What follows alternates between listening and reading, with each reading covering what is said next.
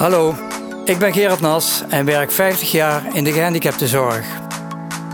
Ik was enthousiast en soms moedeloos, maar altijd betrokken. In deze podcast praat ik met mensen uit de praktijk, ervaringsdeskundigen, verwanten en begeleiding.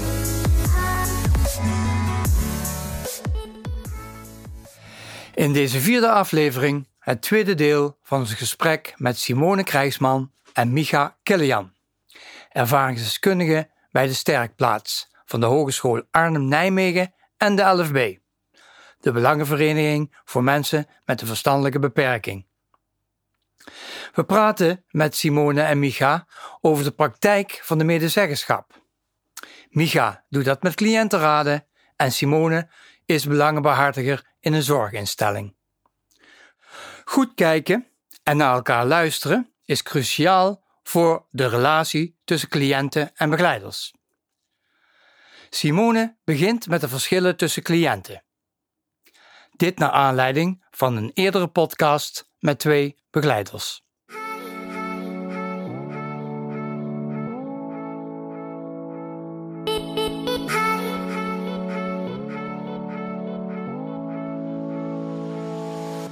Simone, uh, jij wilde nog iets vertellen over, uh, of je mening even kwijt over het gesprek met, van uh, Lin en Eumer. Ja, daar werd gezegd dat, nou ja, onze indruk was in elk geval dat er heel veel over de cliënten wordt gedacht. Mhm. Van een bepaalde groep, die zijn allemaal zo. Ja. Nu is het zo dat ik een partner heb. We hebben allebei eenzelfde diagnose, Mhm. maar een hele andere zorgvraag. Eindelijk vond je dat in het gesprek cliënten te veel over één kam werden geschoren? Of Ja. begrijp ik dat goed? Nou, eigenlijk als mensen eenzelfde diagnose hebben, Mhm. hebben ze niet altijd hetzelfde nodig. Ja, ja, ja. Ja, dus eigenlijk En jij dacht in het gesprek te horen, sorry? nee, helemaal goed. Dat iedereen met dezelfde diagnose ongeveer dat nodig heeft. En dat kun je niet zeggen naar jouw mening. Mijn ervaring is dat het heel erg ver uit elkaar kan liggen. Ah, nou, duidelijk. Ehm, ja, dan komen we al mee een klein beetje over ehm, eh, de begeleidingsstijl. Hè? Daar waren we ook straks even blijven hangen. We hebben even gezegd, of jullie hebben gezegd, wat, wat belangrijk is voor een begeleider. Is er nog iets aan toe te voegen? Nou ja, ehm, een, een begeleider moet vooral doorhebben dat hij het met mij moet doen. Want jij hebt met je begeleidingsstijl, zeg maar, of de manier waarop je begeleidt, misschien een doel. Maar ik heb net zo goed een doel. Of mijn omgeving heeft een doel. Of ik, ik wil ergens naartoe. Als ik op, want ik ben op mijn 16 het huis uitgegaan. Heb allerlei kamertraining gevolgd. En ik heb uiteindelijk gezegd, en dat zei ik in het begin al, van ik wil op mezelf. Ja, maar jij wil ergens naartoe. We hadden het nog Yes. even in de pauze ook over cliënten eh, die eigenlijk het allemaal maar laten gebeuren zoals het gebeurt ook. Hè? Die nergens naartoe gaan. Of die zelf geen idee hebben.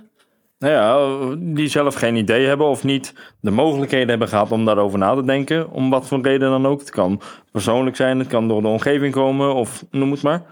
Ehm, dus ik, ik vind persoonlijk dat als jij een goede begeleider wil zijn of bent.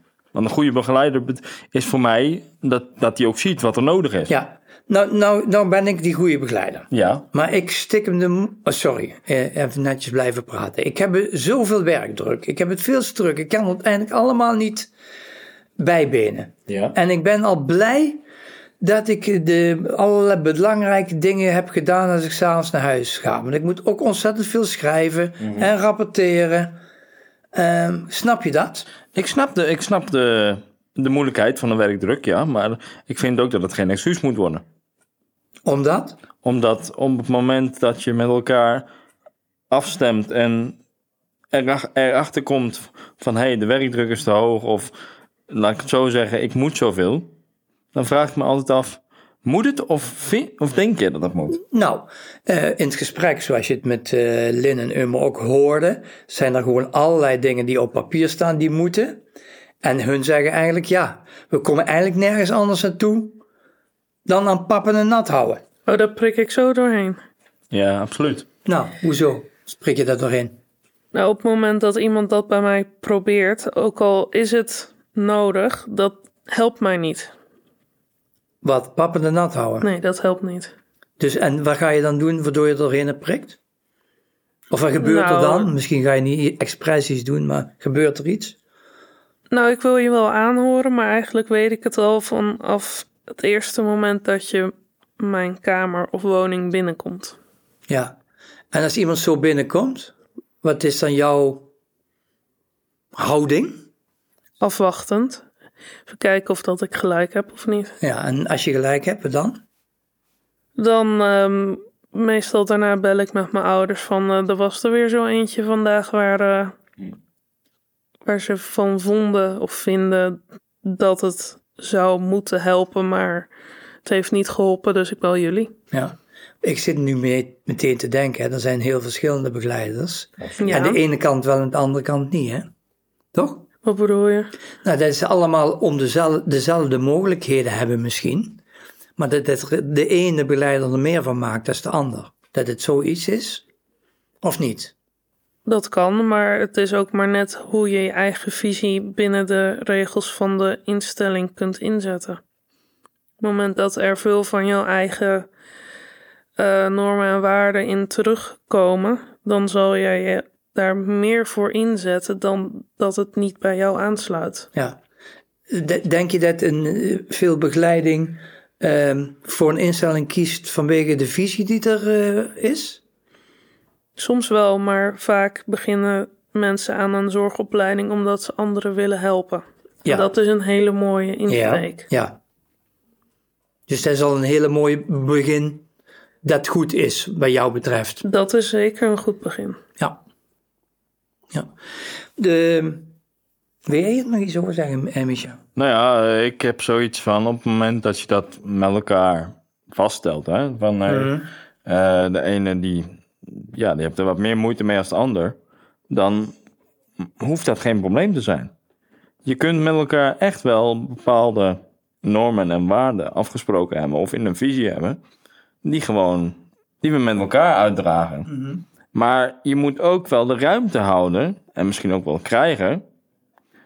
Om ook te kijken naar wat er nodig is. Ja. Want ik heb een grote mond. Ja. Als je het dan even hebt over de mensen die dat wat minder hebben. Ja, sta er eens even bij stil dat er de mensen zijn die heel erg naar binnen gekeerd zijn, die heel stilletjes zijn, die eigenlijk altijd ja en amen zeggen. Ja, daar krijg ik persoonlijk een beetje jeuk van.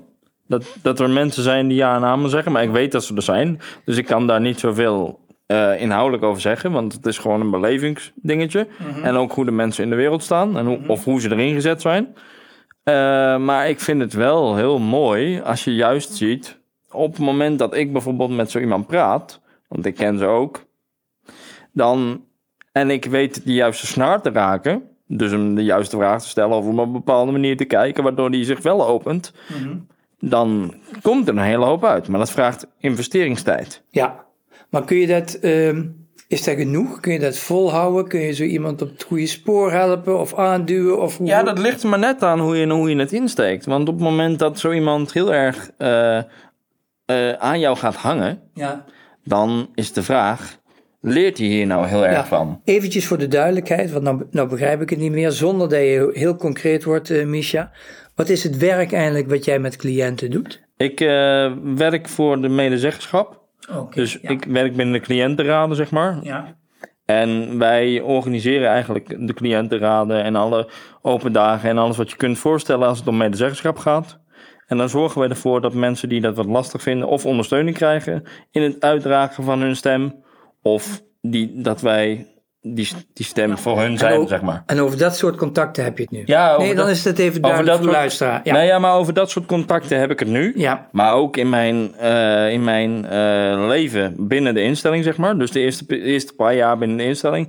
Had je ook echt wel mensen die dat net, die wat minder mondig zijn als Simone en ik. En misschien ook wel als jij. Ja. Dus dan was het ook wel de uitdaging om juist hetgeen te zien wat niet gezegd werd. Dus de vraag achter de vraag helder te krijgen. ja, en dan kun je daarop inspelen door er met iemand over te gaan zoeken, praten. Of gaan zoeken, of gewoon te kijken wat er gebeurt. Heb jij eh, dit soort van ervaring ook? Want eh, zit jij ook ergens in de medezeggenschap? Wat, wat, is, eh, wat zijn jouw eh, Ehm, dingen die jij Het in de is mij wel praktijk doet? gevraagd, maar dat, dat heb ik eh, niet gedaan. Jij doet gewoon andere dingen. Ik doe andere Ja, dingen. duidelijk. Die beter bij jou passen misschien. Ja, ik, ik, Klopt. ik, ja, we zitten nu toch over begeleiding, eh, eh, min of Ja. meer. Eh, in het voorgesprek zeiden jullie, ehm, er is een verschil tussen oude en nieuwe begeleiding. Stijl. Ja, zeker. Kun je dus even iemand voor jou toelichten? Wat is oud, wat is nieuw? Nou, laten we beginnen met het feit dat, een, dat in de oude begeleidingsstijl, in mijn beleving, hè, laten, we bij laten we het bij de beleving houden, dat in de oude begeleidingsstijl nog heel erg gedacht werd van ik heb iets geleerd. Ik heb geleerd hoe ik met jou om moet gaan. Ik heb geleerd hoe ik, hoe ik voor jou moet zorgen. Dus dat is wat ik aanhoud in de basis. En wat er nog past, dat passen we aan. Maar in de basis heb ik het gewoon geleerd. Dus daar werd heel erg omheen gewerkt en met meegewerkt. Zit er in die oude manier van werken ook afstand? Ja, nou ja, en we, dat, is, dat, is, dat, is het, dat, is het, dat is de andere kant van dit verhaal. Er werd ook afstand gecreëerd. Want je, Professionaliteit? ja, zeker, professionele afstand, zeker. Ja. want het was zo, jij bent daar om die persoon te begeleiden. Je bent er niet om zijn vriend te worden. Zo werd het in de schoolbanken werd het gezegd. Misschien een beetje plat, zoals ik nu even in twee, in twee zinnen doe. maar in principe kwam het, kwam het daarop neer. Je bent er om hem te begeleiden en niet om vrienden met hem te worden. Dus, en nu wordt er eigenlijk, als we naar een nieuwe stijl gaan, ook weer even in twee zinnen. Ja, Dan wordt er nu. één zin voor jou, de andere voor haar. nou ja, helemaal goed. Eén voor mij, één voor Nee, drie voor haar. Nee, helemaal goed. Dan komt het weer een beetje in balans.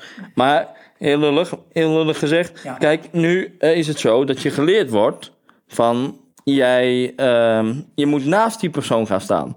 Dus als je nu naar de oude garde kijkt, dan vonden die de, sta- dan vonden die de stap heel erg lastig. Ja, Want die hadden zoiets van, ja, maar ik, ben altijd, ik heb altijd geleerd dat ik niet, juist die afstand moet bewaren. ja. Dus nu zijn wij, niet alleen binnen, niet alleen binnen de sterkplaats, maar ook gewoon in het algemeen, ben je aan het zoeken naar wat is die balans. En de nieuwe begeleidingsstijl, dus de nieuwe garde van deze tijd, Ja. die krijgt al veel sneller mee. Ja, je moet naast die persoon gaan staan, je moet horen wat die persoon zegt. ja.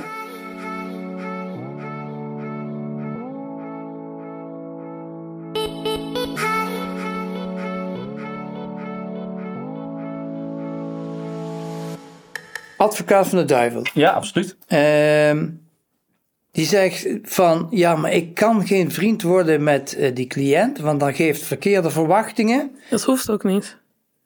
Je hoeft eh, elkaar niet als vriend te zien. Maar het is wel zo dat je naar elkaar moet kunnen luisteren. En eh, jij vindt dan dat veel begeleiding te slecht luistert. Oh, oh, de oude begeleiding, sorry, Ja, te slecht luistert. De, de oude manier van werken, hè? dat heeft niks die met leeftijd te eigenlijk maken. al ja. hoe het allemaal moest. Ja. Wat al gezegd werd. Ja.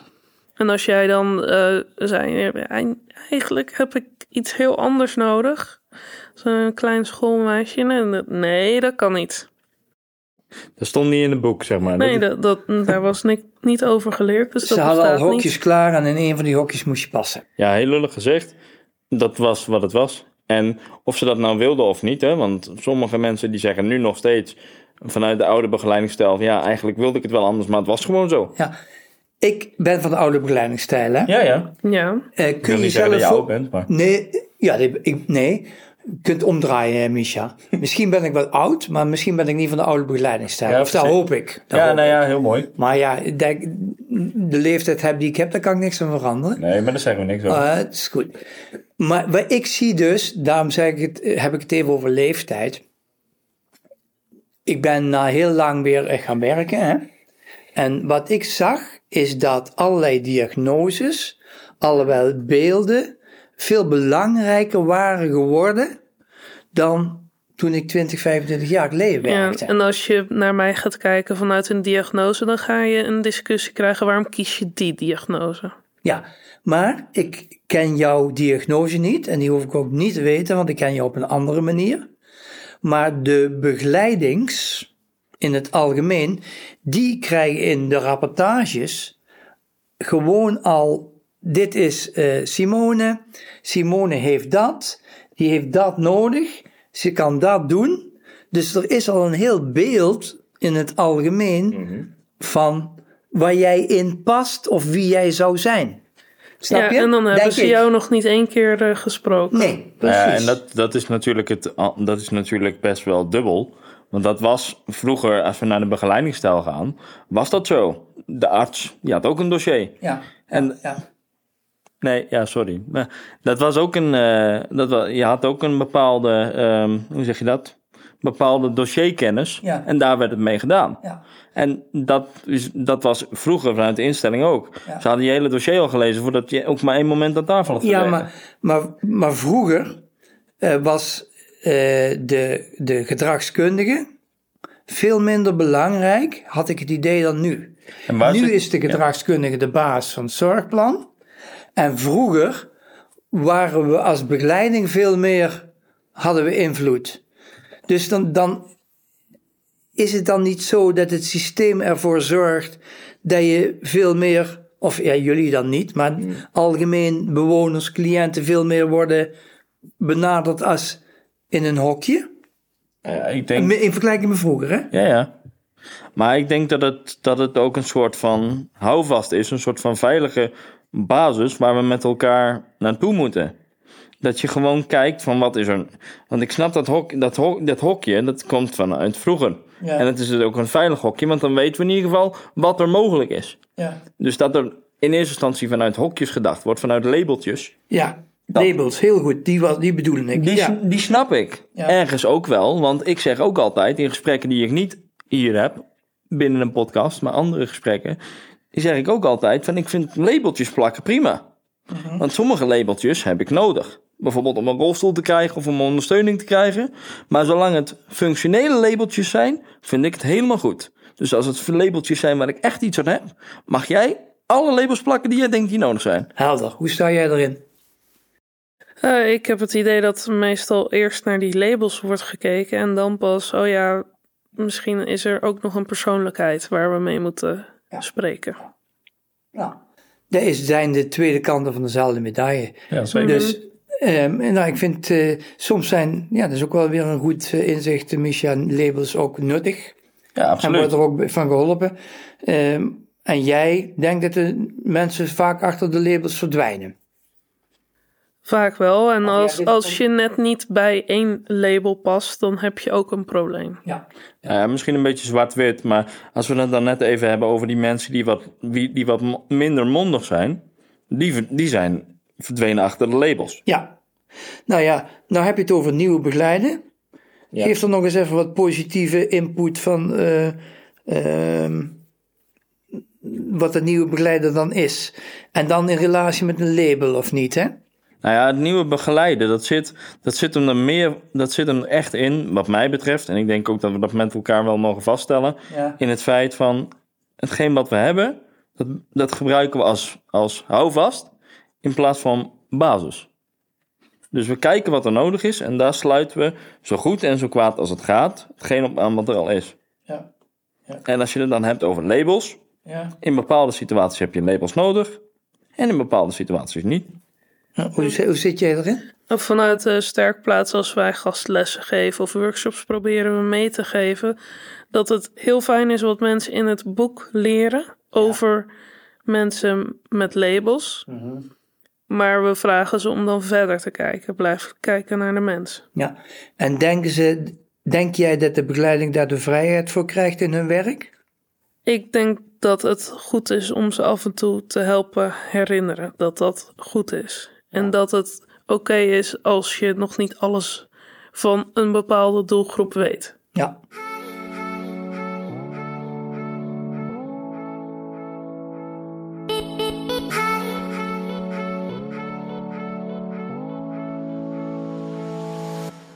We, we werken nou zo langzamerhand ook eh, toe naar eh, een onderwerp waar jullie zelf hebben ingebracht.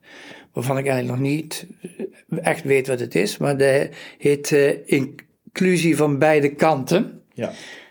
Is dit een eh, goede overgang die ik nou maak? Kan dat hierop aansluiten? Ja. Ja, ik denk het zeker, ja. Want inclusie van beide kanten komt wat ons betreft, en dan zal ik even het kort houden, want dan kan Simone ook nog aanvullen, Ja. eh, is, Nee, is, is flauw, maar dit ja, gesprek... nee, ik, ik ben ook wat dat betreft... eh, Nee, maar zo houden we elkaar een beetje scherp, toch? zo is het. Ehm, op het moment dat je het hebt- hebt over inclusie van beide kanten, heb je het eigenlijk over. Ik kan wel van jou van alles vragen en van alles willen. Maar ik moet er zelf net zo goed iets voor doen. Daar hebben we het eerder in deze podcast natuurlijk ook al over gehad. Verwachtingspatronen en wat, wil, wat kan ik, wat wil ik en wat gaan we doen. Dus net zo, je bent net zo goed verantwoordelijk voor hetgeen wat er gebeurt als je begeleider of andersom. Ja, dus het is niet zo als je begeleider even geen tijd heeft dat je dan maar niks moet doen. Je bent zelf net zo goed verantwoordelijk om een verandering Eigen in jouw eigen ontwikkeling. Ja, zeker. absoluut. Je eigen ontwikkeling is, nou ja, het zit al in het woord je eigen verantwoordelijkheid. Ja. En een begeleider kan daarbij ondersteunen, maar hij of zij doet het niet voor je. Dat Nee. moet je zelf doen. Is dat een boodschap die je in je contact met eh, bewoners, cliënten ook heel nadrukkelijk... eh, want dan, dan, go- dan gooi je de bal terug, hè? Als mensen klagen, dan zeg je van ja, maar hey, je moet zelf ook wat doen. Ik vind zeker dat je zelf ook wat moet doen. Ja. Maar in, in je medezeggenschap speel je de bal vaak terug, Misha, dan? Nou ja, ik speel hem, eh, ik speel hem tactisch terug. En dan kan je ook wel uitleggen wat, het betekent, wat dat voor mij betekent. Ja. Is het volgende. Kijk, op het moment dat ik tegen, als jij tegen mij zegt: Ja, Micha, jij moet dit, jij moet dat, jij moet zus, jij moet zo. Want dat is jouw werk. Hè? dan, z- dan vraag ik: En wat heb je zelf gedaan? Wat heb jij gedaan voordat ik. Voordat je bij mij komt, of voordat je in het systeem komt van het wil allemaal niet en het lukt allemaal niet. Maar wat heb je er zelf aan gedaan om het Ja. toch te proberen. En dan ben ik niet de beroerd om je te helpen. Daar waar ik kan, hè, want ik zit ook gebonden Ja. in, in bepaalde situaties. Maar ik, kon, ik speel hem altijd tactisch terug. Ik zeg niet, jij moet eerst, maar wat heb je al gedaan? Ja, en dan heb je het over mede-cliënten, bewoners nu. Ja. Eh, zien jullie ook nog mogelijkheden om samen met begeleiders op te trekken om iets ten goede te keren? Ik denk op het moment dat je dat niet meer ziet, dat je sowieso moet stoppen met alles wat je aan het doen bent. Zeker. Dus ik denk dat we met elkaar wel mogen vaststellen dat deze podcast, hoop ik, dat, dat, er, dat er een bijdrage geleverd wordt aan, het, aan de belevingswereld, maar ook aan de, aan de denkbeelden en aan de mogelijkheden die er mogelijk, nog wel, die er mogelijk wel zijn of niet zijn. Ja, een moeilijke vraag nog voor jou hoor, want misschien- misschien eh, overval ik je ermee. Maar heb jij gewoon ook concrete dingen waar je zegt van, hier zouden we aan kunnen werken om met cliënten en begeleiding samen op te trekken om dingen te verbeteren? Eh, ik denk dat het erop neerkomt dat je heel goed naar elkaar moet blijven luisteren en kijken of iedereen het nog begrijpt. En ik denk ook, en dat is misschien ook wel mijn opvoeding, dat je altijd moet kijken naar hoe zou je zelf behandeld willen worden. Ja. Dus op het moment dat ik bewijs van aan jou vraag, Gerard, en hoe jij dat nu bij mij doet, of hoe je dat nu ziet bij mij of bij een ander, hoe zou je daar zelf op, reageren? Als je, die, als je dat met elkaar durft te blijven zeggen, ik denk dat je dan ervoor kan zorgen dat we met elkaar de beste vorm van zorg leveren. Oké. Ehm, nou, wat mijn lijstje betreft heb ik het idee dat we er wel eens een beetje doorheen zijn. Eh, op het eind van de vergadering doen we altijd een rondvraag. wat is, ehm, nou ja, we, hebben heel veel besproken. Eh, ik weet op dit moment niet meer ehm, precies, eh, ehm, ja, ik weet onderwerpen nog wel ongeveer. Is er nog iets wat jullie kwijt willen, dat je zegt van nou, dat had ik eigenlijk willen zeggen, maar daar is nog even niet naar gevraagd nu. Nou ja, ik denk dat we een hele hoop hebben gehad. Maar wat ik vooral wil zeggen is: blijf kijken, blijf luisteren en blijf voelen. En blijf eerlijk. Want eerlijkheid doet het in. Eerlijkheid doet soms pijn, maar is wel nodig. Was het voor jou ook wat dat betreft goed? Ja, volgens mij hebben we alle punten gehad die we zouden bespreken. Nou, dan eh, mag ik jullie, wil ik jullie heel hartelijk bedanken voor dit gesprek. En ehm, de luisteraars zijn ook van harte uitgenodigd om eh, vragen te stellen. Oh, absoluut. En als er een heleboel goede vragen komen, dan gaan we gewoon weer met z'n drieën keer bij elkaar zitten. Waar ik dan wel heel erg benieuwd naar ben, Gerard. Hè? Ja.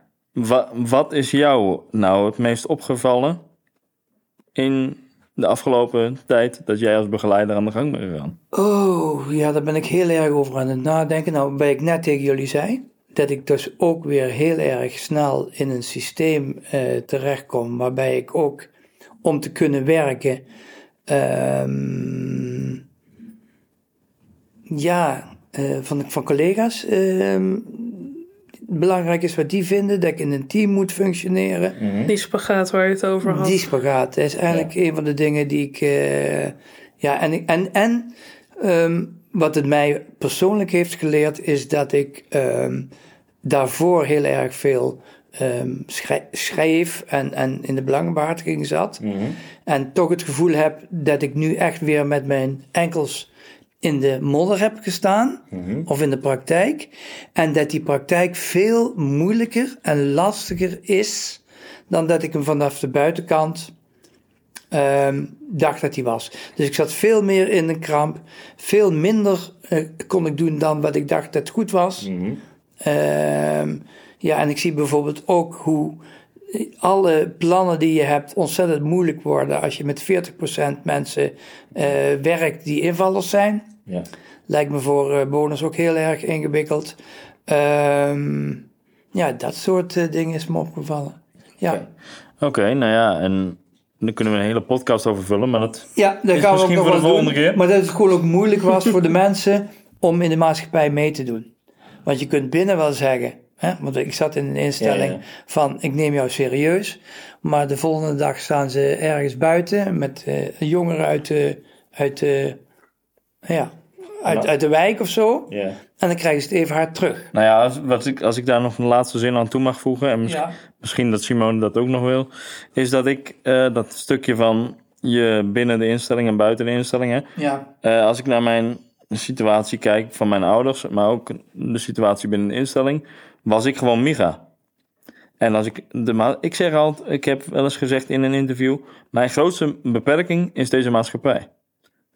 Omdat ik, uh, ik was gewoon Micha binnen de instelling, want ik was een van velen. In principe je was gewoon onderdeel van. En binnen mijn gezin was ik gewoon onderdeel van het gezin. Mm -hmm. En zo gauw ik naar buiten ging, was ik die jongen in de rolstoel. Ja. Dus vooral die uitdaging, die ben ik met mezelf aangegaan. Mooi. Ik uh, hoop uh, dat je daar lekker mee door blijft gaan. Oh, zeker. En uh, ik wens je een goed leven. En wie weet weer tot ziens. Ja, als er leuke vragen zijn, komen we wel terug. Helemaal goed. Dankjewel.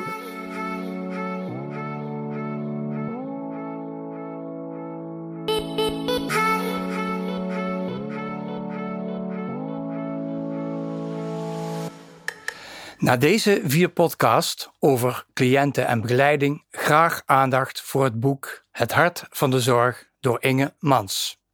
Inge overleed 8 november vorig jaar. Zij schreef eerder Zin der Zotheid, een standaardwerk over de geschiedenis van de gehandicaptenzorg. Het Hart van Zorg uit 2017 gaat over verdunning en een andere manier van begeleiden en organiseren. Die manier van werken was geïnspireerd op Dennendal, de woongemeenschap die in 1974 werd ontruimd door de politie. Het Hart van de Zorg beschrijft de relatie tussen begeleiders en bewoners die meer ondersteuning nodig hebben.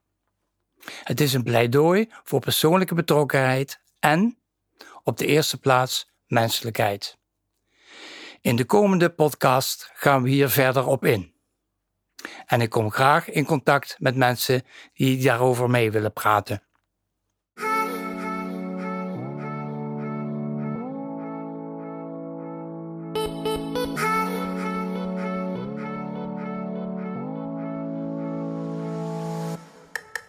Tot zover deze aflevering van Achter de Beperking. Reacties zijn meer dan welkom, evenals onderwerpen en ideeën. Hiervoor is er ook een Instagram-pagina. Die heet ook Achter de Beperking. Of je kunt naar mijn website gerardnas.nl met twee S'en.